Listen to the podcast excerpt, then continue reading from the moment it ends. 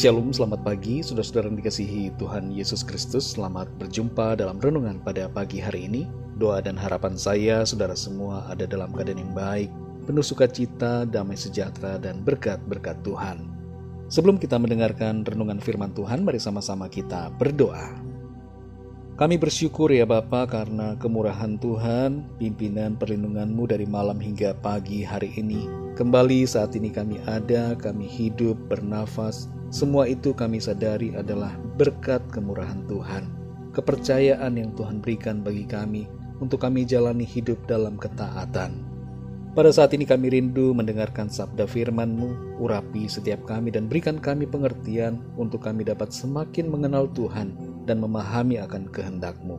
Dalam nama Tuhan Yesus kami berdoa. Haleluya. Amin. Saudara yang dikasih Tuhan, ayat renungan kita pada saat ini terdapat dalam kitab Nabi Nehemia pasal 12 ayat 26. Tertulis demikian. Mereka itu hidup pada zaman Yoyakim bin Yesua bin Yozadak dan pada zaman Bupati Nehemia dan Imam Esra ahli kitab itu. Saudara yang dikasih Tuhan, ada banyak peralihan yang terjadi di dunia ini ketika media mulai beralih dari versi cetak ke versi digital, banyak perusahaan yang anti perubahan harus gulung tikar dan menutup usahanya. Ketika pandemi COVID berlangsung, ada banyak orang yang di PHK dan banyak juga usaha yang tutup, sehingga memaksa orang-orang untuk beralih agar dapat tetap bertahan. Dalam konteks tertentu, bertahan dan fokus pada satu hal adalah baik tapi dalam konteks yang lain, terkadang Tuhan menghendaki agar kita beralih dan tidak stagnan pada satu hal yang sudah jelas-jelas memberi tanda kepada kita untuk beralih. Ketika Tuhan bergerak menuntun kita untuk beralih atau berpindah, kita tidak boleh melawannya, tapi sebaliknya kita hendaknya menuruti kemauan Tuhan. Dalam Nehemia 12 ayat 26 ini, kita membaca ada tiga nama orang yang disebutkan. Pertama adalah Yoyakim bin Yesua bin Yozadak. Ia adalah seorang imam. Kedua adalah Nehemia, seorang bupati. Dan ketiga, Esra yang juga adalah imam dan sekaligus ahli kitab. Kita akan berfokus pada Nehemia. Nehemia ini termasuk orang yang diangkut dalam pembuangan di Babel. Sebelum pembuangan itu tidak disebutkan apa profesi atau pekerjaannya.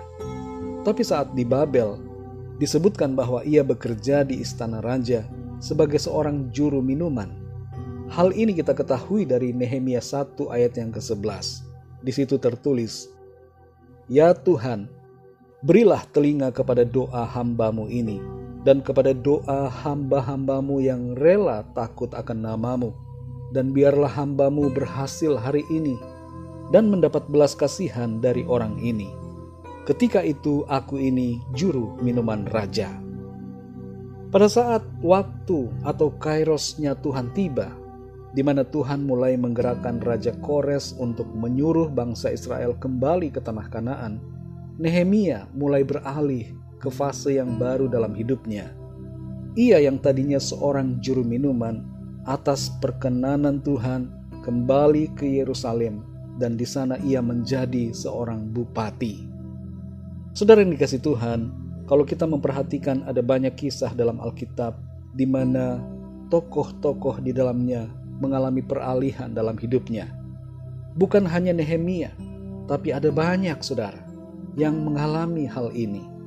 Musa tiga kali mengalami peralihan dari sebuah rumah kecil di Goshen beralih ke istana Mesir.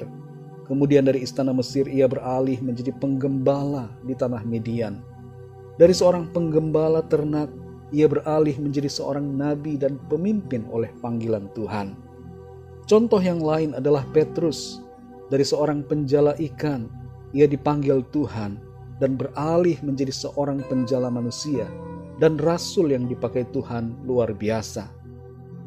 Saudara yang dikasih Tuhan, jangan takut ketika kita harus beralih ke fase yang berbeda dari sebelumnya.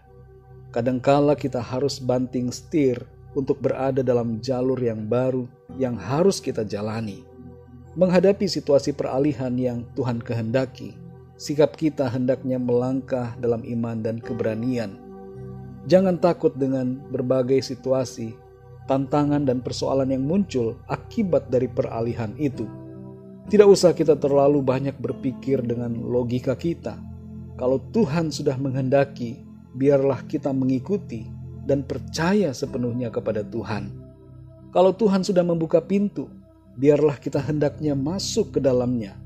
Jangan hanya di luar dan menyia-nyiakan kesempatan. Hendaknya kita tidak usah khawatir, saudara, akan kesanggupan diri kita. Ketidaksanggupan kita akan disanggupkan oleh Tuhan. Jangan terlena dengan kenyamanan yang tidak membawa kita naik, tapi justru membawa kita turun. Mari melangkah bersama Tuhan, beralih sesuai kehendaknya, bila itu memang jalannya Tuhan dan teruslah berjalan dalam iman dan kepastian akan penyertaan Tuhan.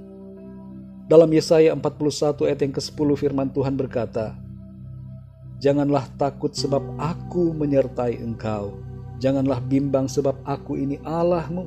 Aku akan meneguhkan, bahkan akan menolong engkau. Aku akan memegang engkau dengan tangan kananku yang membawa kemenangan.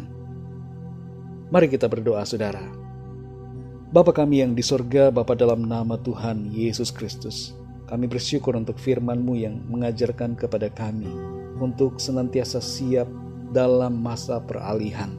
Ketika Tuhan menghendaki kami berpindah atau beralih ke fase yang berikutnya dalam hidup kami, maka kami sadar kami harus menurutinya.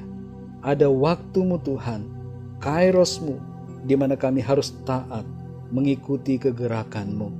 Terima kasih Tuhan kami bersyukur firman-Mu memberikan kami sukacita, kekuatan, dan pengertian untuk melangkah senantiasa dalam iman dan keberanian.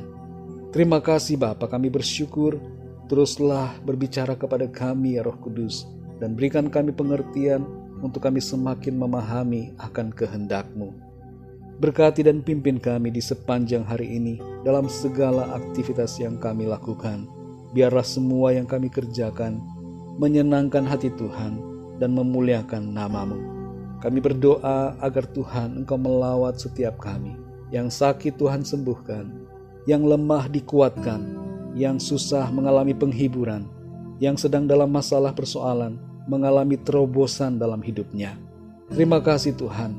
Segala rencana hidup kami kami serahkan ke dalam tangan-Mu. Kami percaya karya Tuhan, campur tangan Tuhan akan membuat semuanya baik bagi kami.